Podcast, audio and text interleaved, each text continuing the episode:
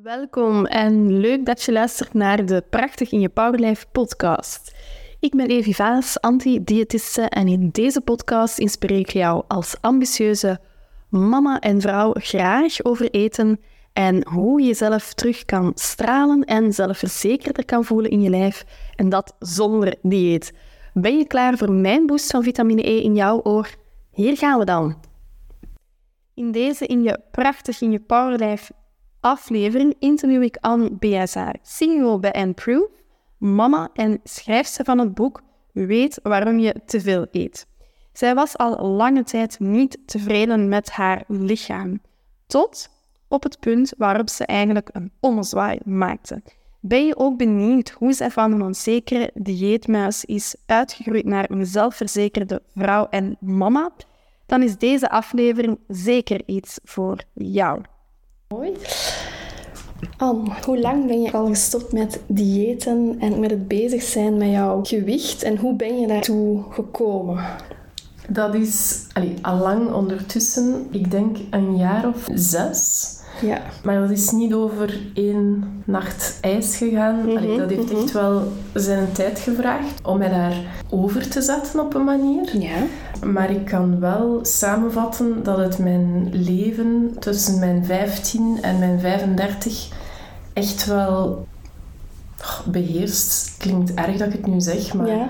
toch Mhm. wel echt. ehm, het, heeft, het was een, een heel groot stuk van mijn bewustzijn was altijd bezig met wat ga ik eten, hoe zie ik eruit, jee, ik weeg minder, oh nee, ik weeg meer, oh nee, ik heb te veel gegeten, oh nee, wat ga ik eten?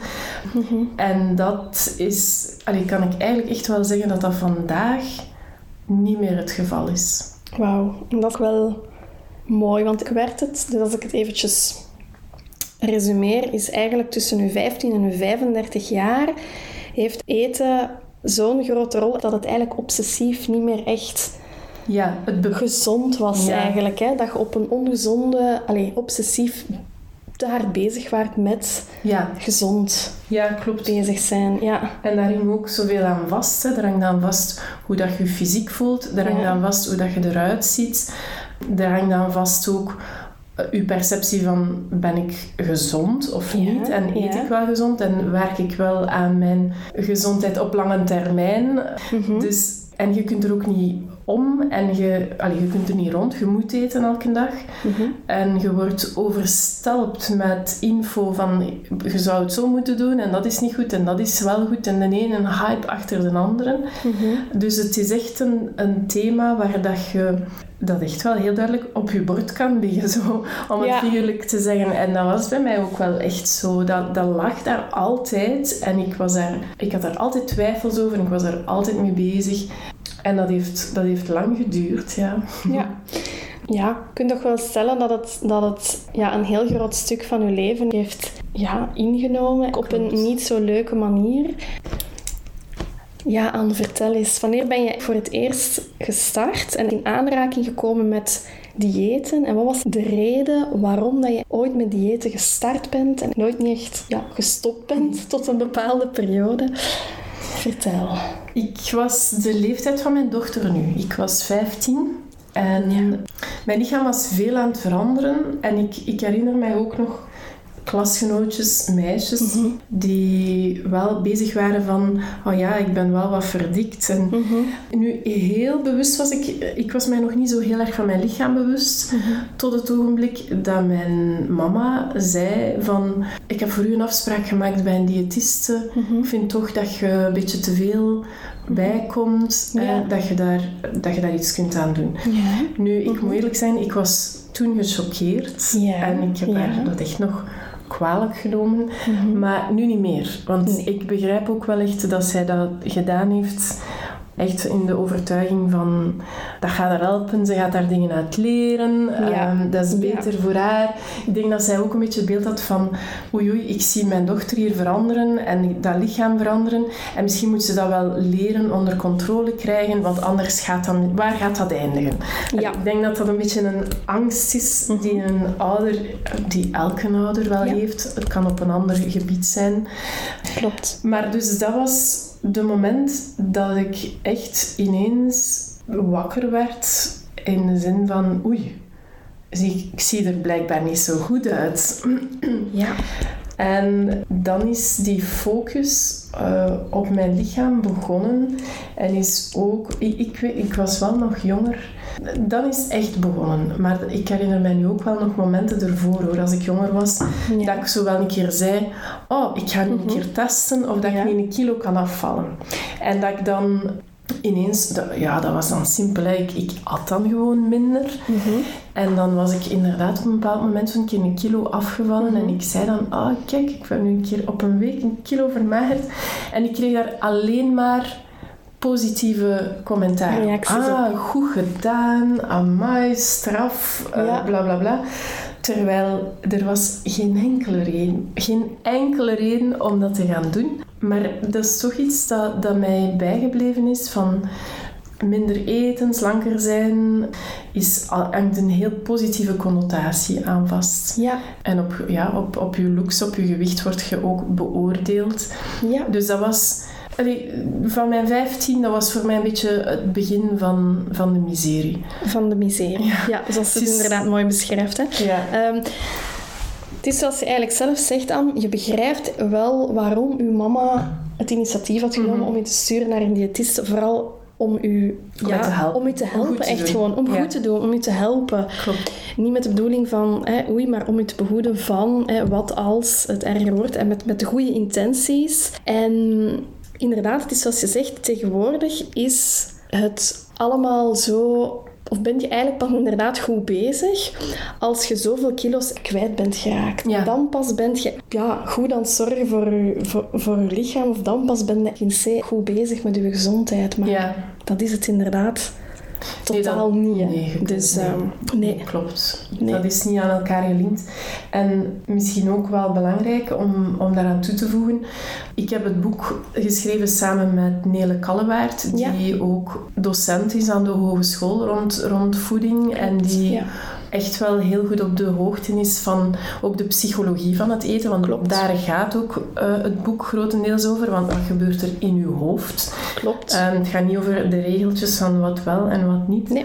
Maar dus wat zij ook bevestigde is je hebt altijd omgevingsfactoren die maken dat je vatbaar bent voor dingen als overeten of voor anorexia ook en zo van die zaken. Mhm.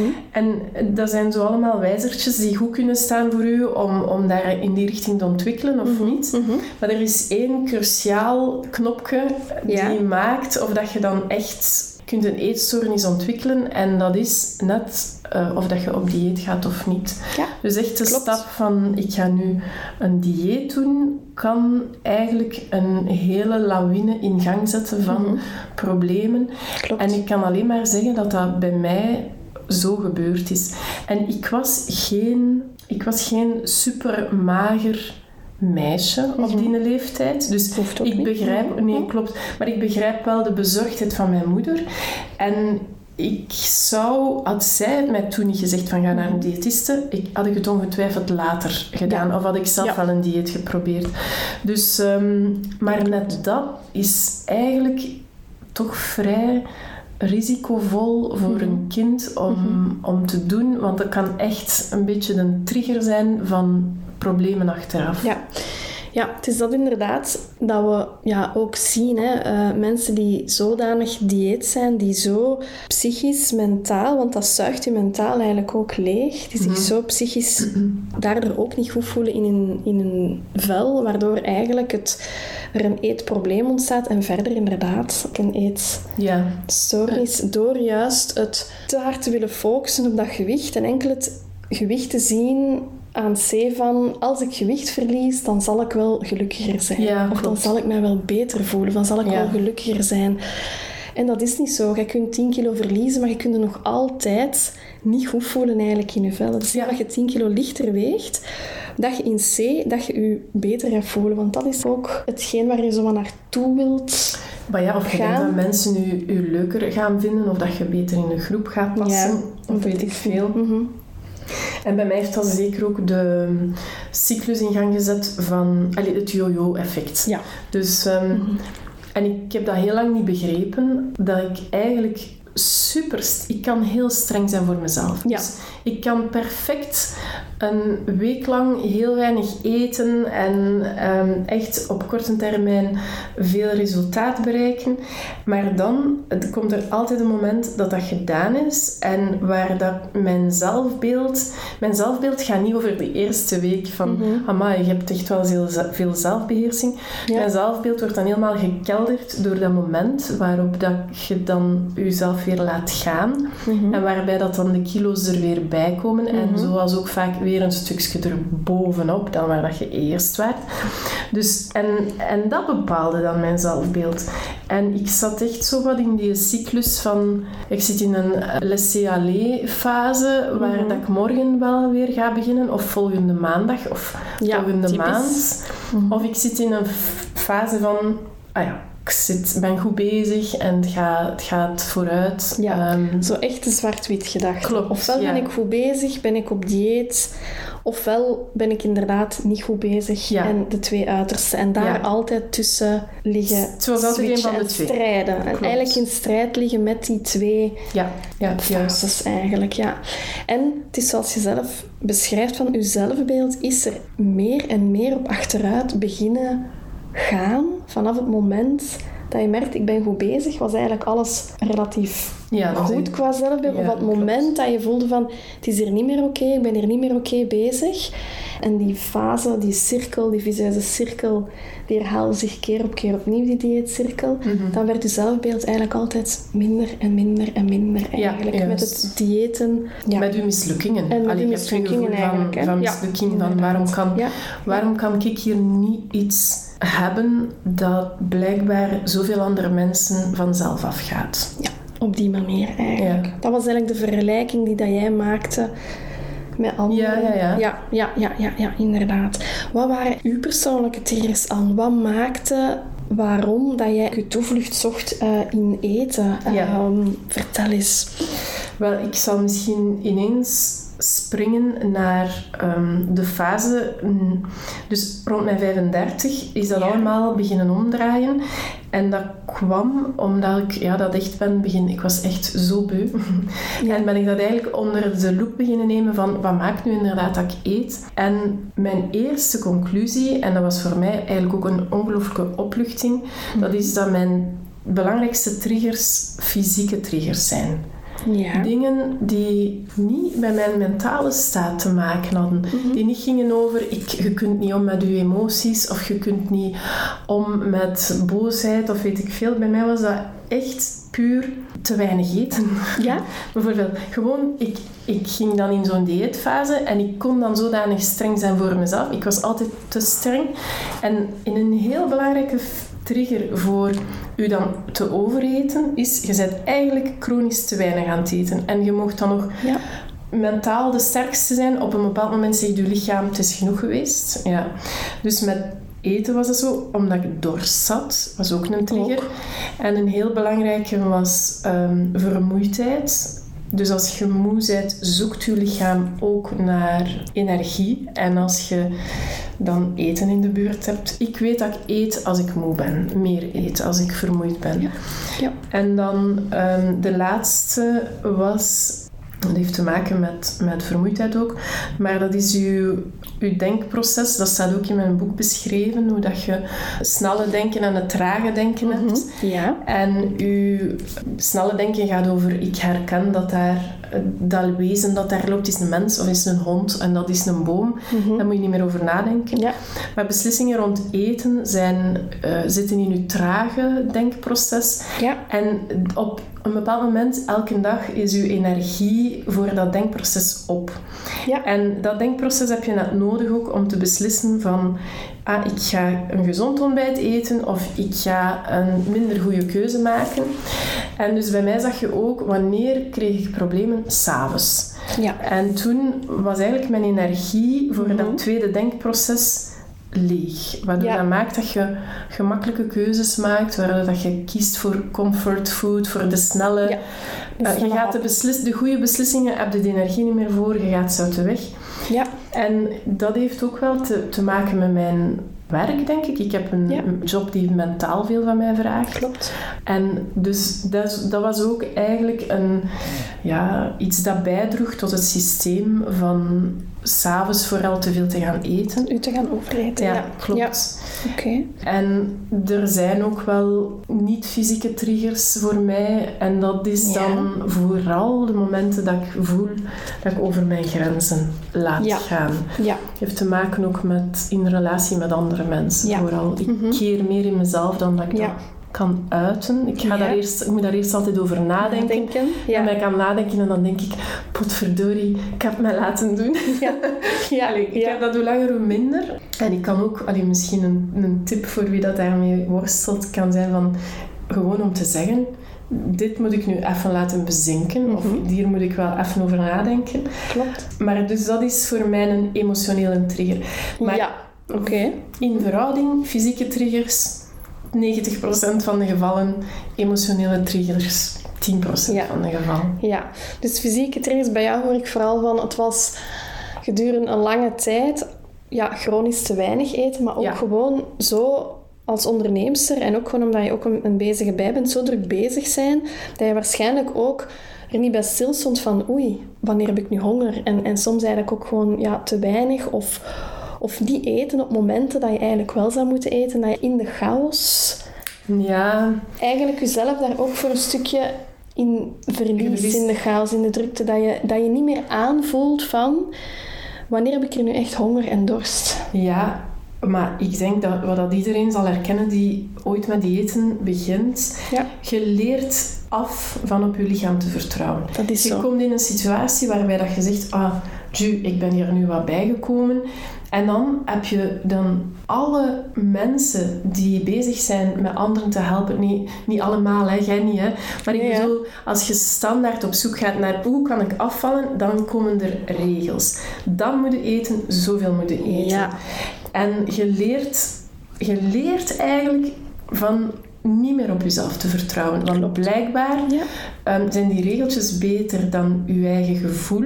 Ja. En dat is, dat, dat is fout, dat klopt niet. Ja. Ehm, maar bon, je zit wel op een moment dat je dat ook niet hocus pocus ineens terug hebt. En dat je wel kunt zeggen, Nee. ah ja, maar nu is het opgelost. Ik ga nu wel op mezelf vertrouwen. Wij zitten inderdaad zo in die dieetmaatschappij. Wij zitten eigenlijk zo in de drukte, wij zitten eigenlijk zo in ons hoofd, dat wij voor een heel groot stuk, en dat is wat dat jij ook wilt aanhalen, voor een stuk verleerd zijn om een beetje verder te zakken in ons buikgevoel. Ja. Om echt te leren voelen van, wat zegt mijn lichaam? Wat vraagt het nu eigenlijk van Ja, mij? klopt. Wat heeft het eigenlijk nodig? En ja, ja.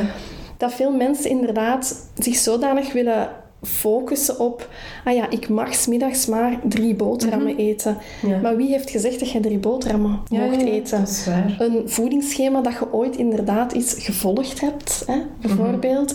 En dat je dan onthouden hebt dat je maar drie boterhammen mocht eten. Maar wat als je dan ene keer meer honger hebt dan die drie boterhammen? Gaat je Ja. dan ook stoppen met het eten van die drie boterhammen?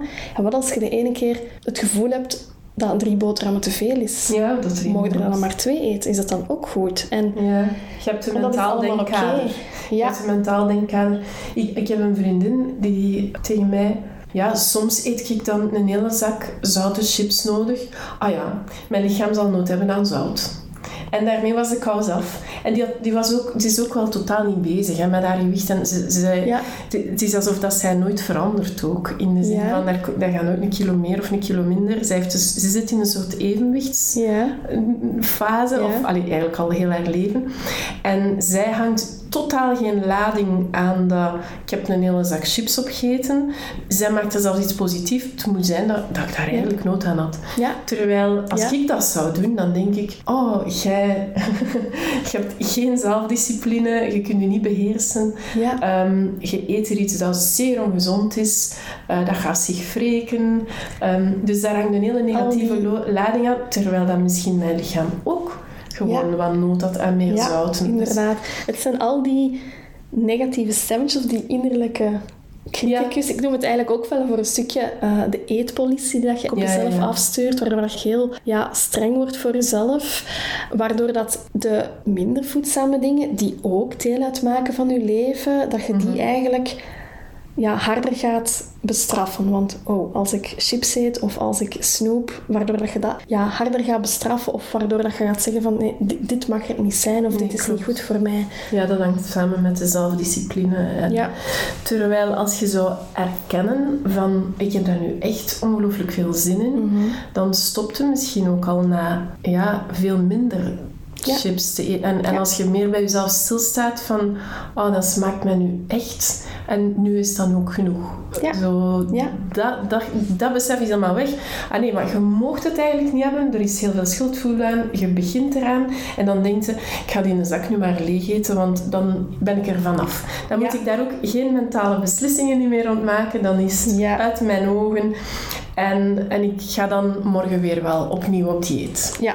Ja, weer al die zwart-wit gedachten. Ja, het is klopt. alles of niks. Het is heel de zak, maar het kan niet een kommetje zijn uit Nee. de zak. Het is heel de zak. En ook daar wat dat je mooi beschrijft. Hè, mijn lichaam heeft meer nood aan zout. Omdat we het nu eventjes hebben over het Ja, verhaal van de vriendin bijvoorbeeld. Hè. Ja, als je weet of als je voelt van ik ben een persoon die meer neiging heeft of die meer nood heeft aan zout, Mhm. dan zou je bijvoorbeeld ook al op voorhand kunnen, kunnen inspelen of kunnen voelen van hey, heb ik niet meer natuurlijke voedingsmiddelen nodig op basis van Ja, ja, zout? ja, tuurlijk. En dan ga je Ja. ook merken dat je perfect chips op een oké manier of in een ja, Ja, ja, proportie kan nemen. En dan lukt dat veel beter. Omdat je daar... Ja, Maar je verliest je vertrouwen in jezelf op den duur. ja, Dat je, dat, je Yes. krijgt het gevoel, ik kan er niet mee om. ja, En dus je denkt, ja, ik, ik kan er niet mee om. Maar je zit het, je, het probleem is dat je het eet binnen een context Ja. waarbij dat je er inderdaad niet mee om kunt, omdat je context niet oké is. Omdat je in een setting zit van zwart-wit, van emotionele lading, van... eh, allee. Als je op die moment beseft, ik heb eigenlijk gewoon mijzelf uitgehongerd en daar... allee, heel je context maakt dan dat je te veel eet. Ja. Dat is niet jij op die moment die dat, daar dan niet mee om kan. Dat is Mhm. gewoon heel je lijf en Mhm. allerlei dingen. Maar je kunt wel degelijk in een context komen waar dat je wel weer op jezelf kunt vertrouwen. ja. Maar dat vraagt wel wat tijd en Tijd. inzicht om, om daarin te komen. Hoe heb jij dat gedaan, Anne? Zo stap voor stap om terug dat vertrouwen in jouw lichaam beetje bij beetje terug te winnen? Het moest lichaam- eigenlijk beginnen met het gewicht los te laten. Ja, eerste Ehm, ja, Mhm. Ja. dus eh, ik, ja, ik moest eigenlijk echt denk, ik moest echt dat gewicht loslaten.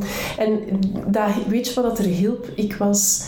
Ik kwam alleen bij in momenten dat ik echt zo het gevoel had van ik overeet mij. Ik eet dan die zak helemaal leeg en ik eet dan heel dat pak koekjes op enzovoort. Ja, Dat waren bij mij de fases dat ik bij kwam. Dat ik kwam niet bij van altijd mijn vlees te bakken in boter of zo. Of Nee. van altijd eh, vettige sauzen te eten. nee. Dat was echt niet mijn probleem. Mijn probleem was echt... eh, zat, mijn probleem zat niet in de dingen dat ik elke dag deed. Mijn probleem zat in te veel eten in één keer. Ja, En- eten.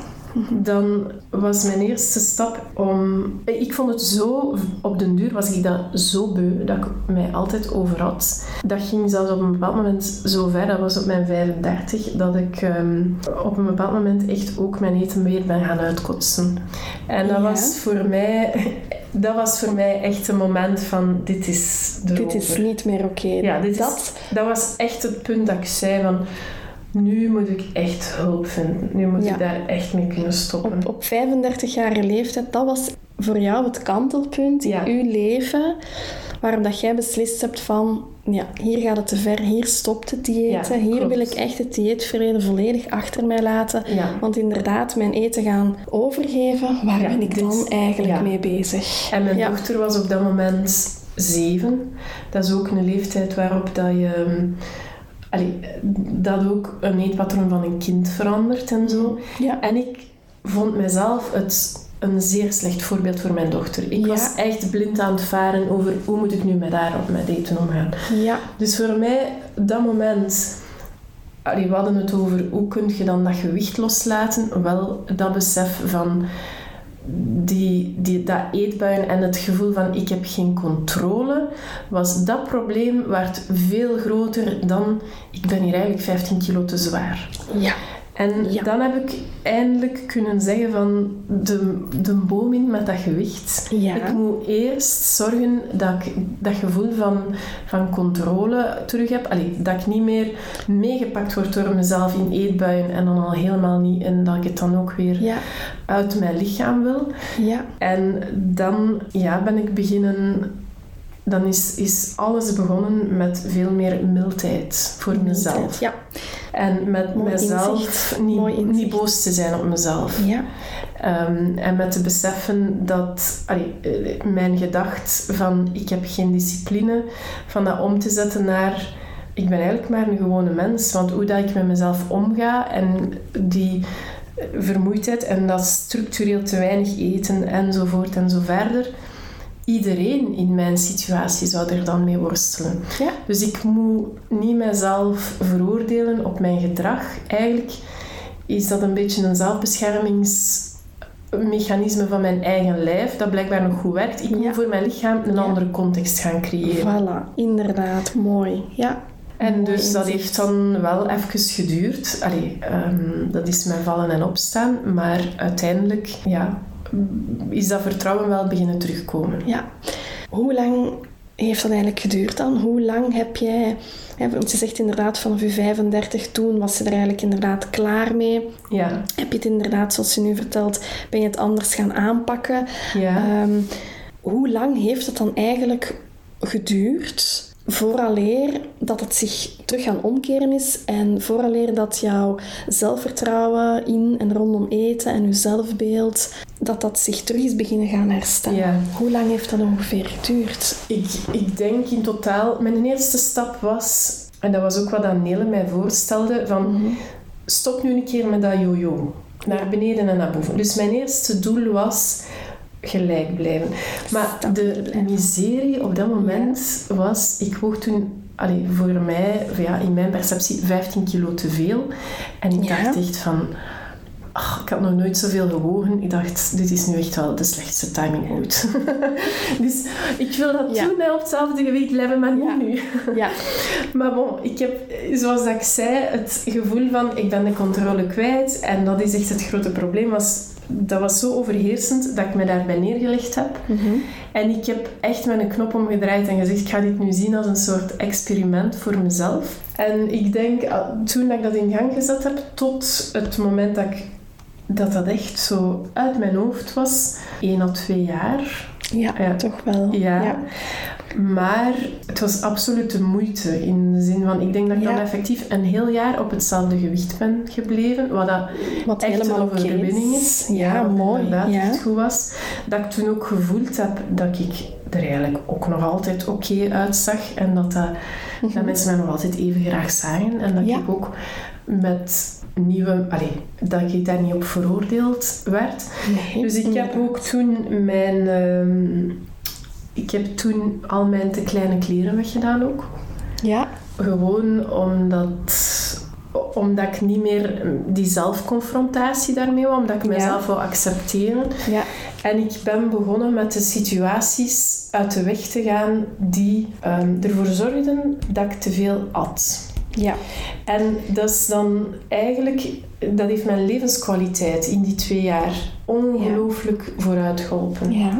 Mhm. En dat is dus wel persoonlijk, maar als ik daarnet zei, ik heb die triggers van eh, vermoeidheid, te, te, ik heb de trigger van dat ik eigenlijk honger heb, ik heb een trigger van dorst, ik heb een trigger van die beslissingen die ik niet meer kan, de goede beslissingen, energie die op is. Ja.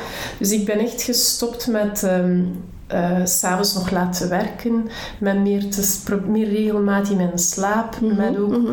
overdag vaker te eten. Als Ja. ik, ook als ik honger had, zodanig dat ik s'avonds minder honger had. Als Ja. ik minder goede beslissingen kon nemen. Dus ik ben eigenlijk zo manieren beginnen zoeken om eh, het voor mezelf makkelijker te maken. Ja. Dus eigenlijk betere regelmaat, betere zelfzorg. Ik ben van alle dingen beginnen te doen die niets met eten te maken hadden. Ja, dat was eigenlijk Het de... ging niet om eten. Dat is eigenlijk de moraal van het verhaal. Dat het inderdaad niet gaat om wat dat je eet, maar Nee. vooral over hoe ga ik nu om met eten en waarom eet ik nu. En vooral de oorzaak van het probleem eigenlijk. Gaan ja, ja, aanpakken. ja. De oorzaak lag elders. Ja, we zoeken altijd van wat kan ik in mijn voeding, wat kan ik nog anders doen, wat kan ik nog beter doen, wat kan ik nog schrappen, waar kan ik nog minder gaan eten.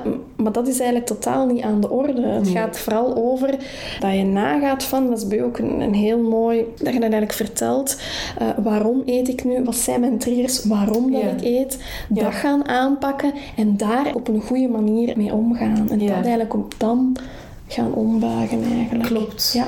En een van mijn voornemens was toen ook van, wat eet ik nu heel graag en wat eet ik eigenlijk niet zo graag? Ja. Want ook daar, uw lichaam zegt u daar denk ik wel iets over. Zeker over dingen dat je misschien niet zo graag eet. Mhm.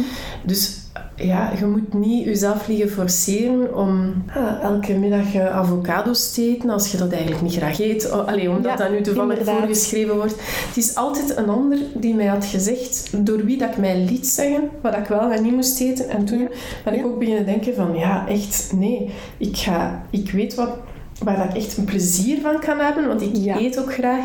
Dus die dingen moesten ook echt heel bewust een plaats krijgen op die Ja. moment. En dat, is- dat waren echt de leuke dingen aan. Allee, dus in mijn leven is er ongelooflijk op vooruit gegaan in, Ja. die, in, in die paar jaar. Waarbij dat ik ja, ook wel heel bewust... ah, Ik at dan graag zo van die mellow cakes bijvoorbeeld. Ja, Dat staat ook in mijn boek. heb ik ook gelezen. Ja, ik, maar niet die die je koopt in de supermarkt. Nee. hè. nee echt de hele goede van de bakker. Ja. Dus, dus dan dacht ik, oké, ik, ga, ik, ga dat, ik haal dat niet in huis. Maar ik, ga, eh, ik haal dat dan af en toe een keer bij de bakker. Ja. En dan maar twee, een klein zakje. En ik, we eten er dan eentje van. En dan geef ik de rest weg of geef ik dat Ja. mee. Allee, dus ik begon zo eh, de situaties te creëren waarbij dat je wel echt dat genieten van eten kunt Ja. hebben. Ja. Maar waar dat ik het ook niet mezelf moeilijk ging maken. Hè. Ik ging geen tien pakken koeken in huis halen. Maar de dingen dat ik echt graag had, dat kwam er dan wel. Eigenlijk ging gewoon bewust meer gaan kiezen en echt meer gaan openstaan en gaan voelen van waar voel ik mij nu inderdaad het beste bij? Ja. Wat, wat smaakt mij nu echt? Wat geeft mij nu echt voldoening? Ja, ja, ja. En het feit dat ik niet moest afvallen, was een enorme mentale rust die er al direct kwam. Ja, die er kwam. Dus ik kon voor mezelf beginnen experimenteren van welk, welke regelmaatstructuur werkt nu. Dus Ja. in het begin dacht ik echt, bon, experiment. Ik ga zeker eten wat ik nog graag eet. En voor de rest Ja. ga ik ook wel gewoon wat meer eten dan dat ik normaal zou doen. Ja. En tot mijn verbazing kwam ik niet meer bij. Ja. Ik ben dus vanaf dat moment ben ik nooit nog zwaarder geweest dan wat ik toen Ja. woog.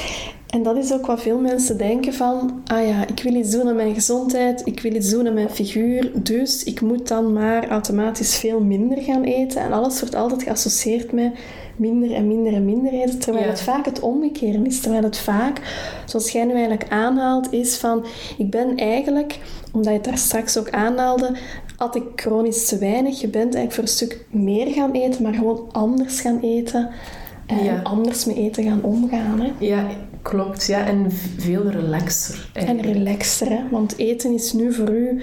Allee, vroeger was het waarschijnlijk een gespannen Een iets. stress, Het een stressmoment, eten, alles wat met eten te maken had, dat ging je hoofd waarschijnlijk van hier naar daar. Maar, Ja. maar nu heb je eigenlijk een zekere rust en kun je inderdaad op een ontspannen manier, zoals ik nu hoor, Ja. op een veel ontspannere manier met eten eigenlijk omgaan. Ja, klopt. Ja. En meer ver- vertrouwen in... Maar dat is, dat, was, dat is ook wel iets dat ik heel graag hier ook wil, wil meegeven voor, voor de luisteraars. Ja. Dat is dat ehm, niets gaat van, van de eerste keer vanzelf. Nee. Net zoals als je wilt, als je wilt stoppen met roken, wat blijkt uit onderzoek, de hoe meer dat je probeert, hoe groter de kans dat je lukt. En ik heb er ook, ben er, ik Ja. ben er ook echt zo gaan instaan van... Ja. Oké, elke keer dat ik gefaald heb, is een stapje dichter bij het slagen. Ja. Dus echt jezelf vergeven, lief zijn voor, voor jezelf, Ja. over je misstappen, zo gezegd, Ja. die, die, eigenlijk, die eigenlijk maar gewoon zijn wat dat ze zijn. Wat je eigenlijk zegt is eigenlijk voor een stukje van dat je jezelf toelaat dat je fouten moogt maken. Ja, klopt, je moogt fouten maken. En terwijl als je op dieet bent, dan mogen je eigenlijk geen fouten maken. En, en, en hier de manier waarop je nu omgaat met eten, is dat je eigenlijk zegt van het is oké om te falen. Het is oké dat Ja. het is niet lukt. Je moet, je moet eigenlijk Je zelfs moet fouten maken. Je moet fouten maken. Ja. Je moet leren met vallen en opstaan op een of andere manier. Als we bezig zijn met eten, mogen we niet falen. Mogen we geen fouten Ja, maken. is En uiteindelijk kan dat ook niet. Want Nee. je kunt nooit beter worden zonder, ik zeg het altijd een keer, zonder eens op je bek te gaan. Ja, ja, Want daardoor word je eigenlijk Ja, dat is beter. juist. En ernaar te gaan kijken, zoals ik u hoor vertellen, ernaar gaan, te gaan kijken als zijnde een leerschool. Hè? Ja. Als je op de academie zit of, of jij studeert iets, ja, dan gaat ook niet iets van de eerste keer erin zitten. Iets gaat nooit van de eerste keer lukken. En, en dat is wel aanvaardbaar. Daar mocht je wel in falen en in leren. Ja. Maar op vlak van voeding en eten merk ik soms Ja, dat we daar inderdaad te streng zijn voor onszelf. Ja, ja, ja.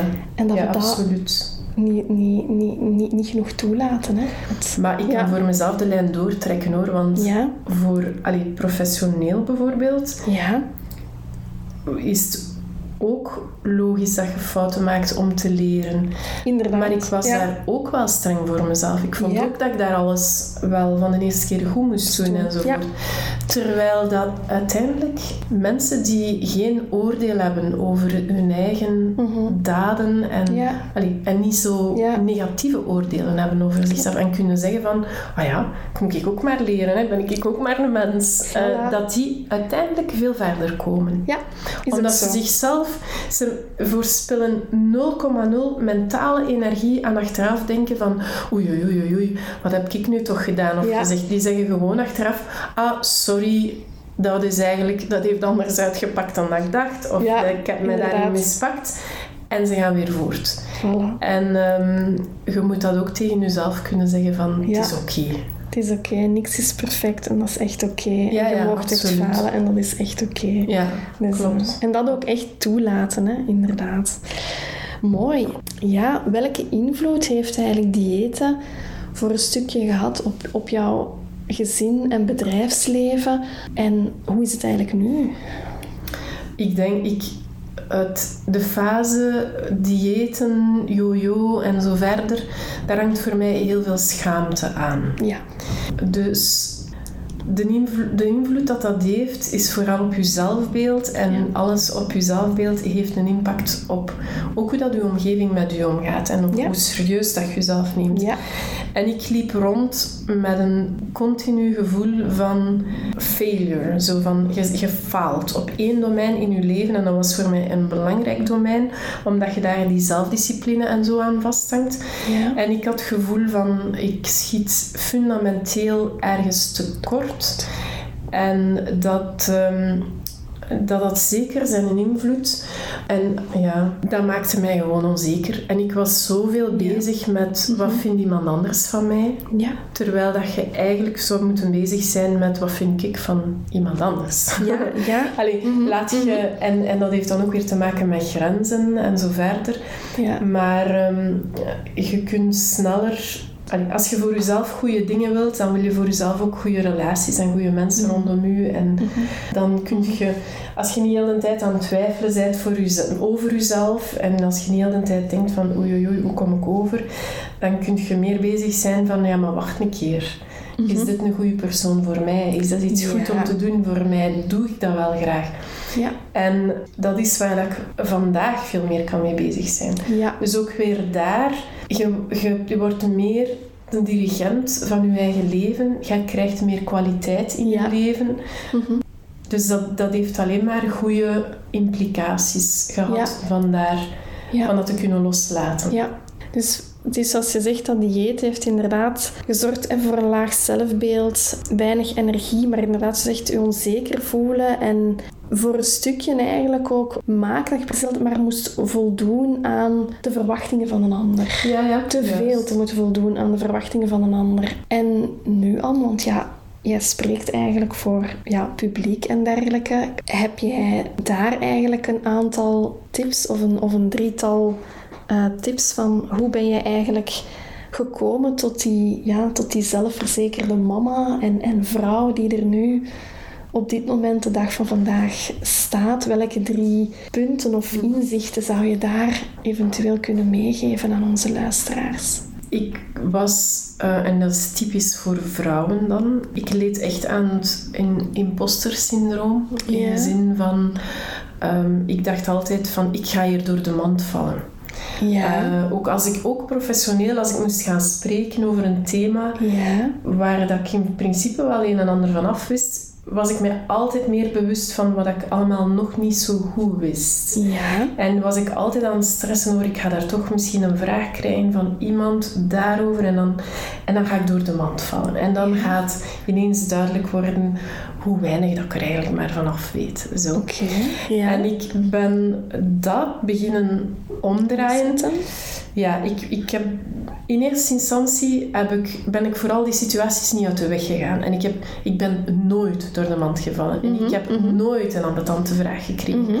En, ik heb, en als er dan eens iets kwam, heb ik altijd kunnen zeggen, ah wel, goede vraag, ik ga dat uitzoeken. Of eh, ja, weet ik veel. Ja. Dus ik, dat is mij nooit, er is mij daar nooit iets persoonlijk genomen. Ik ben daar nooit op afgerekend. Dus die ervaring helpt natuurlijk. Ja. Maar ook daar proberen naartoe gaan van, kijk, ik, heb, ik doe mijn best. Ik sta open om bij te leren. Gewoon dat imposter syndroom idee Ja. maakt ook dat je beter voorbereidt. Ja. Dus uw eerste ding is eigenlijk van eh, gewoon al het feit dat ik het gevoel heb dat ik er kan door, door de mand vallen, gaan we wel waarschijnlijk maken dat je niet door de mand valt. Ja. je, leert en zelfs het excuus van ik sta nog niet lang in deze job of ik doe dit nog niet zo lang of ik ben nog geen expert is al Mhm. meer dan genoeg eh, verantwoording voor, voor jezelf. Absoluut. Dus weer daar, je zei oké, je, je, je mocht daar ook lief zijn over jezelf. Dus dat Ja. is zeker één ding ehm, die maakte dat ik, ja. eh, ja, hoe moet ik het zeggen?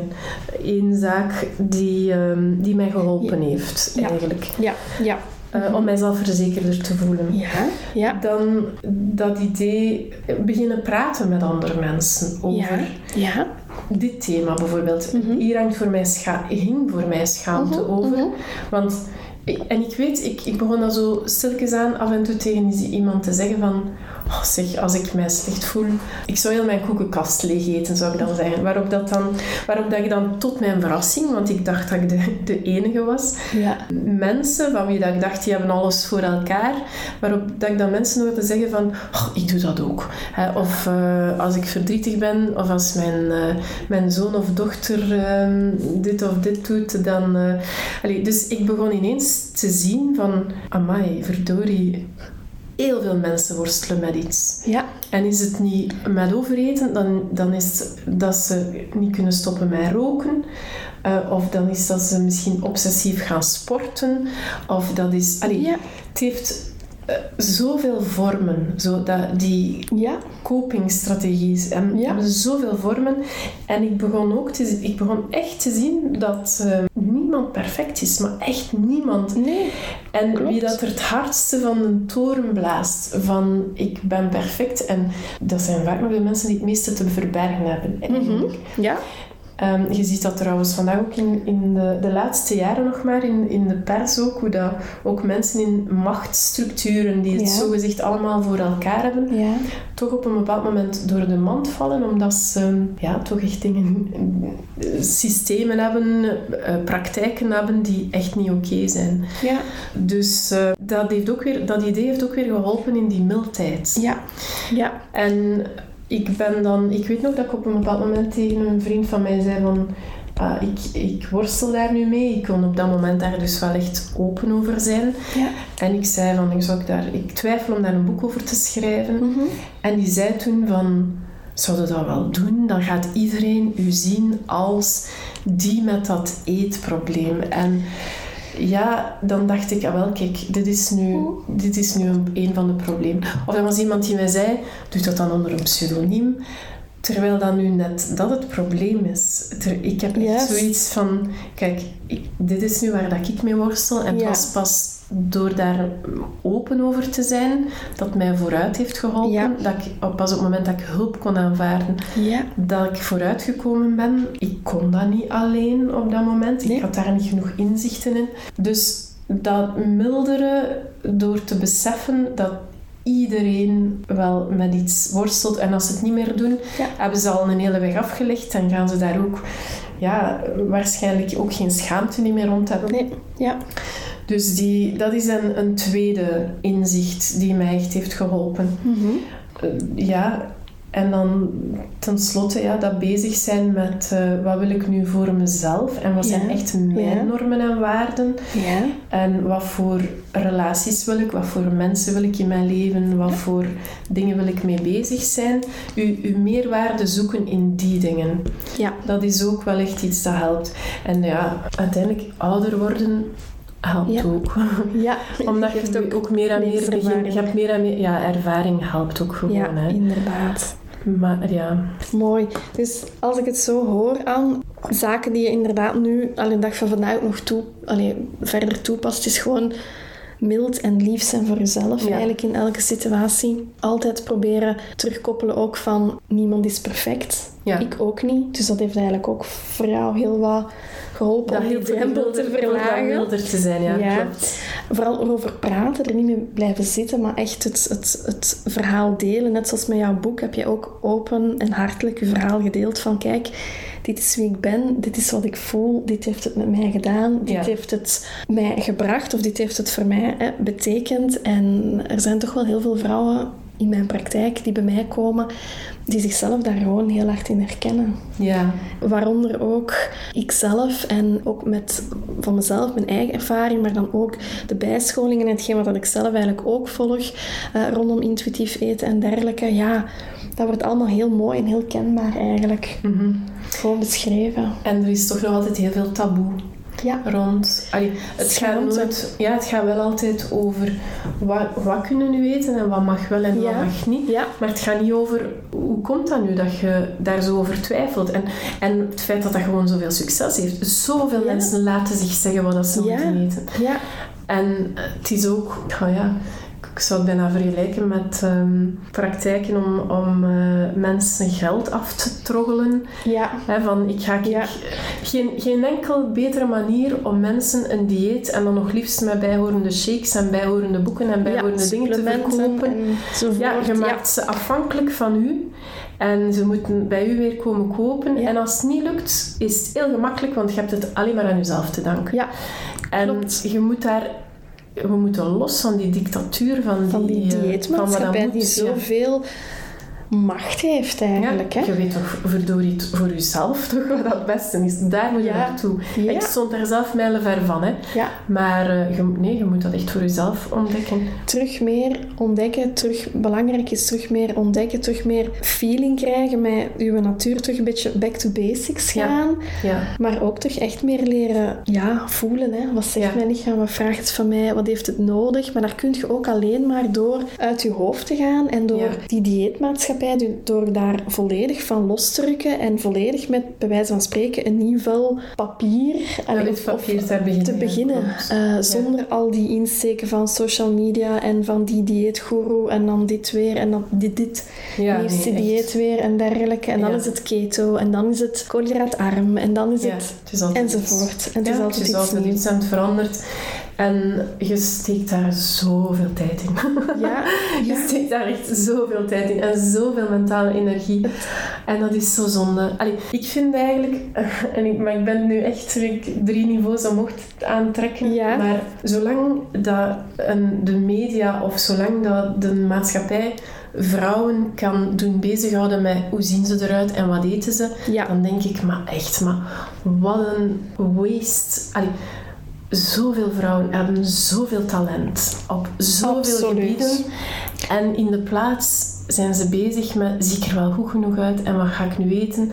En is het wel gezond? En moet ik dat niet doen? En moet ik dat niet proberen? ja. En je, echt, ik vind dat zo spijtig. Er gaat zoveel ja, energie verloren, waardoor dat er eigenlijk geen energie meer over is, wat ik jou hoor zeggen. Dat er geen energie meer over is om zichzelf op een andere manier te gaan ontplooien, Oh, te ja. gaan ontdekken. Dat neemt zoveel van je tijd in beslag, dat je gewoon jezelf eigenlijk ergens be- beknot Ja, eh, als, als vrouw zijnde in je, in, je, in, on- in zelfontwikkeling ja, eigenlijk. ja.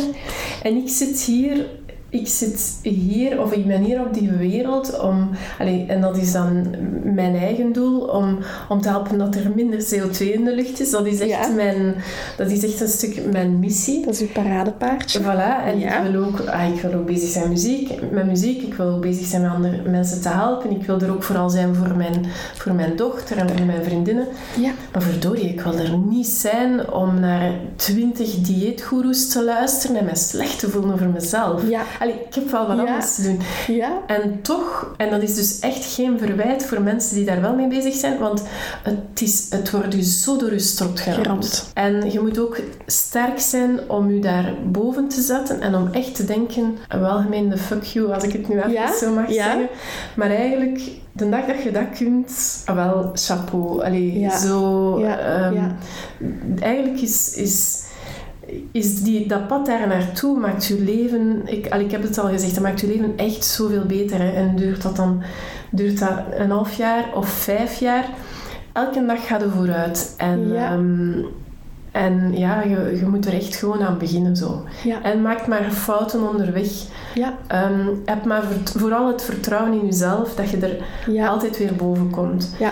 En je, je gaat terug... Allee, je duiveltje gaat daar zo wel achter de hoek staan gluren hè, van zie je wel, je kunt het toch niet. En, en je gaat denken van oh, ik zit weer in dat oude patroon. Ja. Maar nee, dat, dat komt dan weer wel. Ja. Dat gaat wel weer Ja. overgaan. Inderdaad. En daar moet je echt op jezelf kunnen vertrouwen. Ja, mooi.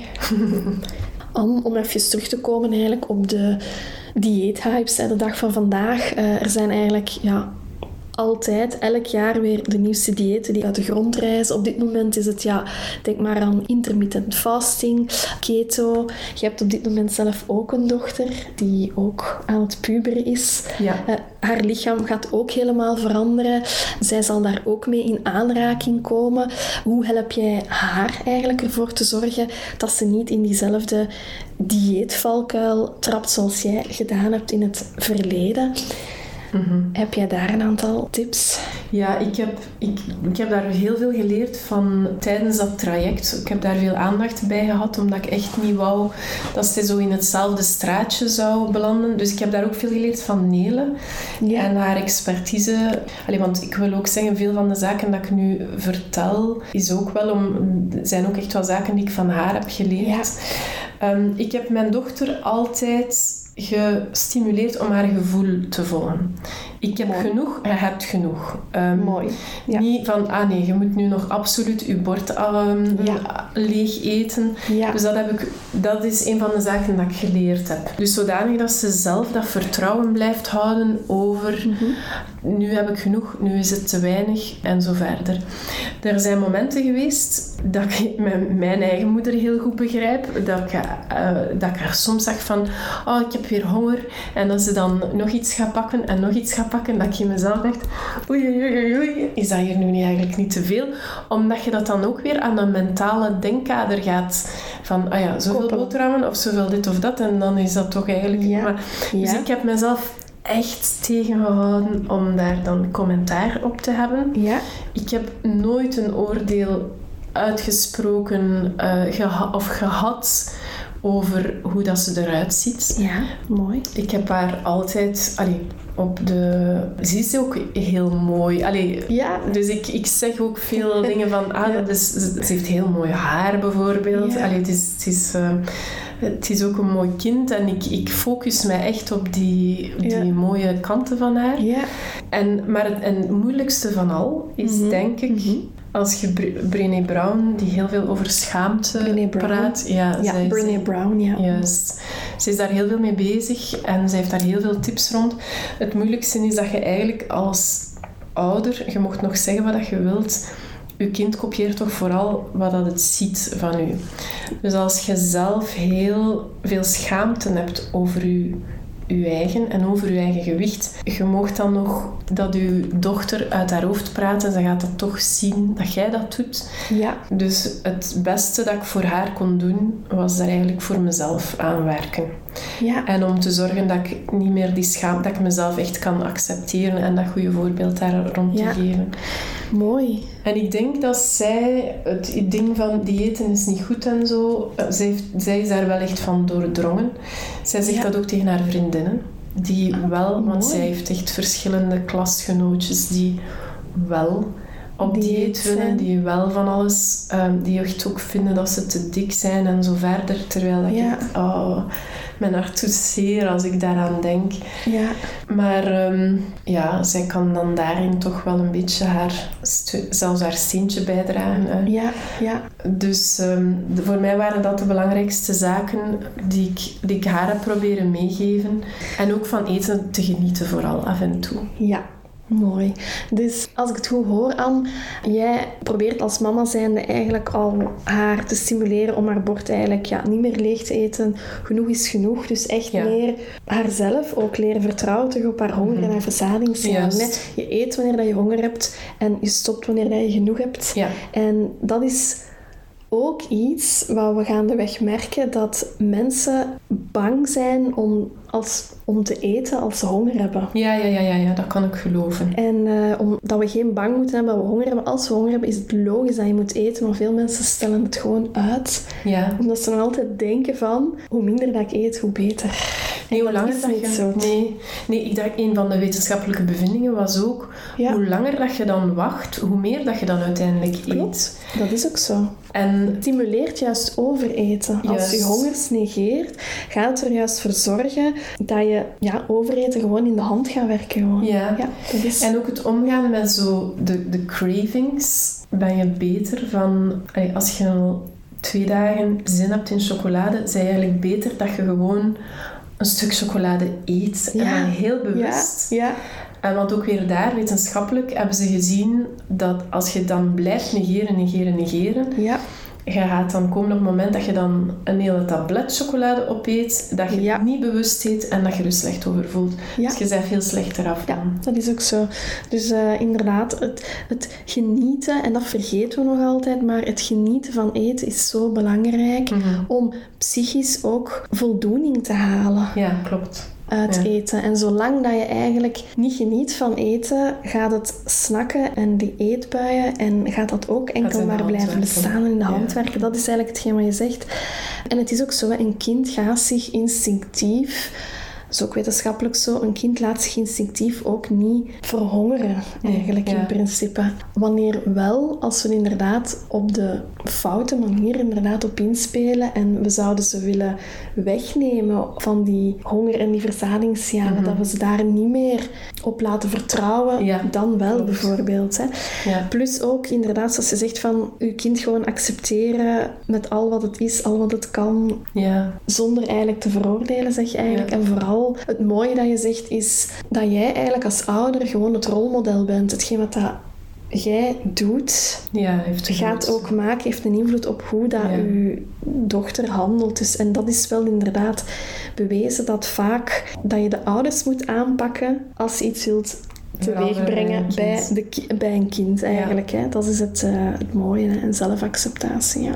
Ik, allee, ik wil wel nog even een voetnoot bij kinderen waar dat de context ook ondertussen verkeerd zit en die Ja. echt een, een probleem hebben met hun gezondheid door hun gewicht. ja. Dat gaat waarschijnlijk, daar heb ik, allee, Ja. ik ben daar niet voor onderlegd. Hè. Nee. Ik kan alleen maar de tips meegeven van wat, dat- wat ik geleerd heb van Nele, waar dat je ook weer van een wit blad kunt beginnen bij een kind en Mhm. zo. Maar ook weer daar, als ook weer dit niet zou werken, zoek dan vooral professioneel Ja. hulp bij Ja. iemand die, die wel weet hoe dat je het dan voor je specifieke context kan aanpakken. Ja, inderdaad. Dus ehm, mooi. Ja, op vlak van eten, Anne, waar, waar kan jij eigenlijk echt bewust van genieten? Wat vind jij eigenlijk super lekker? Is dat iets hartig? Is dat iets zoet? En zo ja, wat is het dan? Ik, ben, ik ben wel een zoete kou, effectief. Ja, Ehm, ja. Dus ik ben, ehm, ik ben afkomstig van de regio van eh, Ninove, uh, Ja. Aalst, Gerardsbergen. Dus eh, daar Mhm. zijn de, heb je de specialiteit van de mattetaarten die Ja. totaal niet vergelijkbaar zijn met wat je in de panos koopt. Dus ik zou zeggen, wie dat, dat wilt eten, maakt er een uitstapje van. En maak het dan ook. echt ook... Zorg dan echt dat je er- ervan kunt genieten. Maar ja, het is zo een mattetaartje. Dat is eigenlijk een van mijn favorieten. Ja, de, maar eigenlijk superveel hoor, dat ik graag eet. Ja, Dingen die goed klaargemaakt zijn, die goed in balans zijn. Die goed Zo een goed dessertje. ja, ja. dat ga ik ja. toch niet, eh, niet zo snel Ja. afslaan. Ja, ja, ja, ja. Eigenlijk, jij kunt, zoals gezegd, je bent, jij kunt echt genieten van eten. Vroeger was het anders, Ja. maar nu kun je echt van alles genieten. En zouden eigenlijk een beetje kunnen zeggen van, ik ben eigenlijk wel best een, een Bourgondier die eigenlijk best wel wat houdt van wel. eten. Ja, van zo'n dingen wel. En dan ook, maar dan echt niet een industriële brol Nee. vanuit de Nee, super... Allee, nee, dat vind ik echt... Dat zijn echt, zon, dat zijn echt gezonde calorieën. Ja, inderdaad. Ehm, maar, eh, Zeg, als maar je doet, doe het dan goed. Ja, hè. voilà. Kies voor kwaliteit, Absoluut. kies voor voedzame dingen, kies voor ja, een goed lokaal gemaakt Ja, klopt. producten, gemaakt iets. En ik denk dat dat ook wel is dat jij ook wel, wel apprecieert. Zo die, die, die Ja, ja, ja, ja. ambacht van hoe dat iets ook op een manier tot stand komt. Hè? Als Van, je- rechtstreeks van bij de boeren, zo, die zaken. inderdaad. Ja, puur en authentiek. Ja. Ja, en niet dingen zoals dat ze zeggen, hè, eet niet wat, dat u, wat dat uw grootouders niet zouden herkennen. Dat veel te veel Ja, industrieel bewerkt inderdaad. is. Dat is inderdaad Dus- ook een hele mooie. Ja, ja, ja, ja, ja. ja. Dus eh, ja, back to basics. Hè. Terug naar moeder Natuur's keuken, zeg ik altijd, want daar is eigenlijk niks mis mee. Nee, klopt. Ja.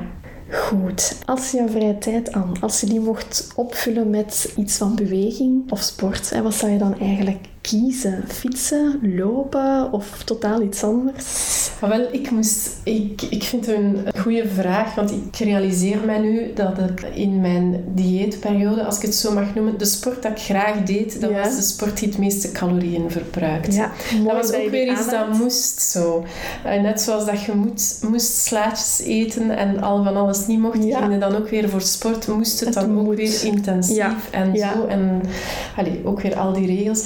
Dus ook daar stond ik niet echt stil bij, wat vind ik nu zelf echt leuk. Ja, Wat ik vandaag het liefste doe, is wandelen in het bos. tof. Eh, Ook een van mijn favorieten. ja. Ja, Fietsen vind ik ook leuk. En dan, ja, zoiets dat je met... Iets waarbij dat je kunt babbelen met iemand. Ja. Ehm, ja, ga je, dat kan ook een keer gaan squashen zijn, dan kan, kan ik mij afreageren. ja, Eh, maar dat, dat heeft ook altijd een sociale component. Zo. ja. Dus beweging ja, is nu ook veel leuker voor mij dan vroeger. Ja, dus je gaat eigenlijk nu meer op een aangename manier eigenlijk om met bewegen. Vroeger Ja. was het echt bewegen om calorieën te verbranden, om Ja. gewicht te verliezen, om een goede figuur te hebben. Kortom, het was eigenlijk een druk, het was een moeite, het was eigenlijk niet leuk meer. Nee. En nu Ja. heb je eigenlijk ook de fun of het plezier in bewegen. De klemtoon ligt gewoon op andere dingen. Juist, Je gaat nu echt bewegen om, om je batterijen op te laden, om, om je hoofd leeg te maken, Ja. om meer rust te vinden in je hoofd. En ja, gewoon de klemtoon anders leggen. Ja, ja, ja. en ook Ja. gewoon zorgen. Allee, de sleutel ligt in mijn ogen voor jezelf echt in, in een goede regelmaat creëren Ja. voor dingen. Dus zaken eten en doen die voor u voor een gezonde balans zorgen. Ja. En dan, als je het door die, in, door die bril bekijkt, dan moet je echt afvragen van wat doe ik graag? Want je Ja. wilt dat over tien jaar Ja, nog doen. En op je 60 en je 70 liefst van al ook nog altijd. voilà, dat is het dus. Je moet het wel graag doen. Ja, en dat is waar het dieet of het moetensverhaal, dat is ook alleen maar iets dat je kan doen op wilskracht op korte termijn. Mhm. En we zouden eigenlijk, we willen allemaal een mirakeloplossing, maar moraal van het verhaal is dat je, als je wilt gaan voor een blijvende verandering, als je echt wilt werken aan hoe ga ik om eten, waarom eet ik nu, wilt gaan voor een, een blijvende, een duurzame verandering, dan is het gewoon belangrijk dat je iets op lange termijn Juist. gaat bekijken en het Juist. ook gaat doen en het consistent kan blijven Ja. doen eigenlijk. En dat je ook geen moeite kost. Voilà, en dat het inderdaad ook geen moeite kost. Om te drinken aan. Als je nu zoiets kan genieten of, of, of op vakantie of met een vriendin, zou je dan kiezen voor een goed glasje wijn of een biertje? Of eh, Ah, wel. zou je daar kiezen? Geen, ehm, geen Of- van de twee eigenlijk. Nee. Ik, ben, ehm, ik heb de pech dat ik... ehm bah ja, pech, het is wat dat is. Dat ik niet zo goed reageer op alcohol. Ah, kan. Uh, ja. Mhm. En dus ik, mijn voorkeur zou uh, een goede mocktail zijn. Ja. Graag met gember Lekker. of zoiets. Ja. Maar ja, geen... Ja, gember kan je wel bekoren. Mij ook. Ja. Vind ik ook super lekker. ja, dus... Leuk. Dat is trouwens, wat aan mij betreft, ik zie heel die evolutie dat je op, op restaurant of op café meer kunt krijgen dan cola en Fanta en Ja. iced tea. Ja, Dus vind ik een zeer goede evolutie. oké. mooi. En dan misschien nog een, een laatste vraag aan. Een strandvakantie, zonzee-strand, of een soort wandelvakantie in een chalet in de bergen?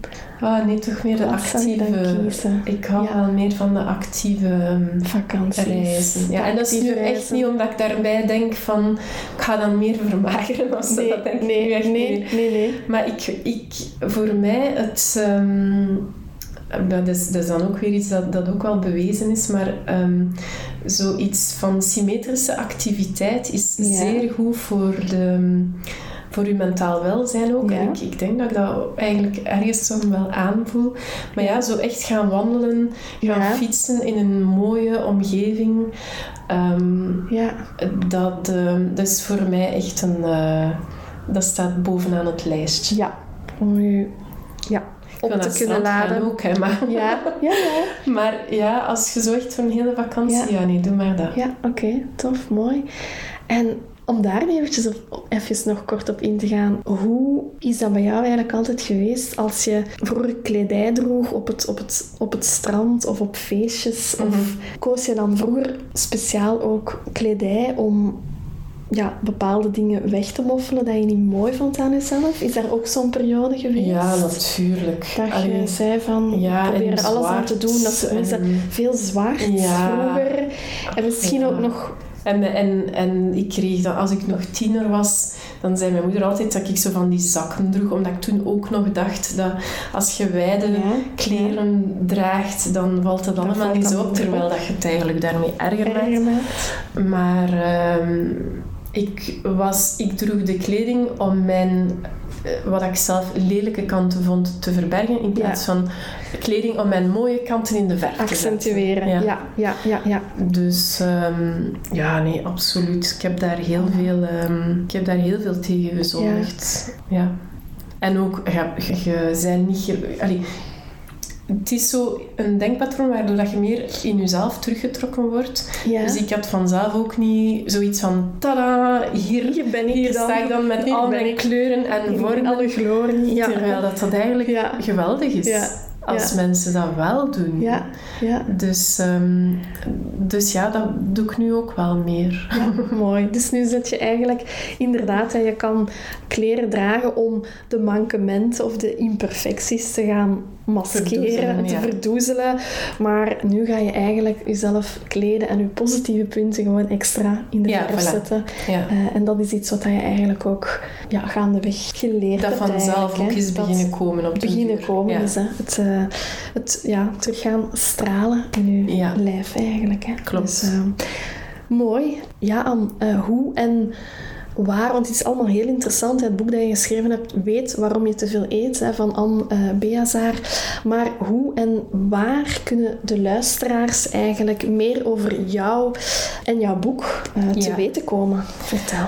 Dus nog even samengevat, mijn boek is dus echt ja, de beschrijving van mijn persoonlijke zoektocht.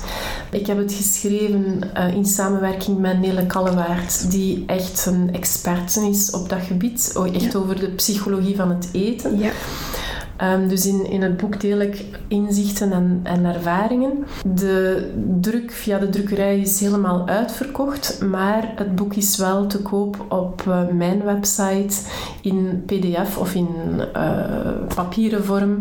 En dat is op eh weet waarom je eet. .be. Dus niet weet waarom je te veel eet, maar gewoon weet waarom je eet. Ja, weet waarom BE. je eet.be. Dus ik kan even herhalen. Dus je kan het boek eh, van Anne eh, bestellen op haar website weet waarom je Juist. Voor alle duidelijkheid. Oké, goed. Maar er komt ook iets tof aan, want Anne die gaat eigenlijk een vijftal exemplaren weggeven van haar boek. Weet waarom je te veel eet en wat moet je daar eigenlijk voor doen. De eerste vijf mensen die zich eigenlijk abonnee maken op mijn Prachtig in je Powerlife podcast, die krijgen in ruil haar fantastische e-book eh, cadeau. Dus... eh, dat is eigenlijk ja, een heel mooi iets aan. Ja, dat ze eigenlijk eh, cadeau krijgen. Zo, dit was hem. Dus ik hoop dat je er heel veel inspiratie hebt uitgehaald. Anne, bedankt dat je hier te gast wou zijn en jouw verhaal openhartig wou delen aan mijn vrouwelijke luisteraars. Met heel veel plezier. Ik hoop dat er ehm, toch wat luisteraars er iets gaan aan hebben. En ik zou vooral zeggen, geef het nooit op en geloof in jezelf aan alle vrouwen die er ook mee worstelen. Top, bedankt Anne. Er komt ook iets tof aan, want Anne die gaat eigenlijk een vijftal exemplaren weggeven van haar boek. Weet waarom je te veel eet en wat moet je daar eigenlijk voor doen. De eerste vijf mensen die zich eigenlijk abonnee maken op mijn Prachtig in je Powerlife podcast, die krijgen in ruil haar fantastische e-book eh, cadeau. Dus... eh, dat is eigenlijk ja, een heel mooi iets aan. Ja, dat ze eigenlijk eh, cadeau krijgen. Zo, dit was hem. Dus ik hoop dat je er heel veel inspiratie hebt uitgehaald. Anne, bedankt dat je hier te gast wou zijn en jouw verhaal openhartig wou delen aan mijn vrouwelijke luisteraars. Met heel veel plezier. Ik hoop dat er ehm, toch wat luisteraars er iets gaan aan hebben. En ik zou vooral zeggen, geef het nooit op en geloof in jezelf aan alle vrouwen die er ook mee worstelen. Top, bedankt Anne. Hartelijk dank en fijn dat je luistert naar mijn Prachtig in je Powerlife podcast. Vond je mijn dosis vitamine E aanstekelijk en wil je graag gewoon nog meer van mij en mijn expertise horen? Dat kan. Abonneer je dan gewoon op mijn Prachtig in je Powerlife podcast en of laat een review achter met sterretjes. Je zou de link van deze podcast ook met andere ambitieuze mama's of vrouwen kunnen delen en hen zo op die manier eigenlijk ontzettend blij maken als ze zich op dit moment niet lekker voelen in hun vel. Zeker doen, zou ik zeggen. Ehm, laat je me ook even weten wat jouw grootste inzicht was van deze podcast. Dat zou ik eigenlijk ook super fijn vinden. Je mag dat doen via evi.diëtistevaas.be of je kan ook gaan naar mijn contactformulier, dat is www.diëtistevaas.be slash contact. Je kan me uiteraard ook volgen op al mijn socials via Pom en Po. Dat kan via Facebook, Instagram of LinkedIn. At P-O-M-M-E-P-E-A-U. Dus at pompo.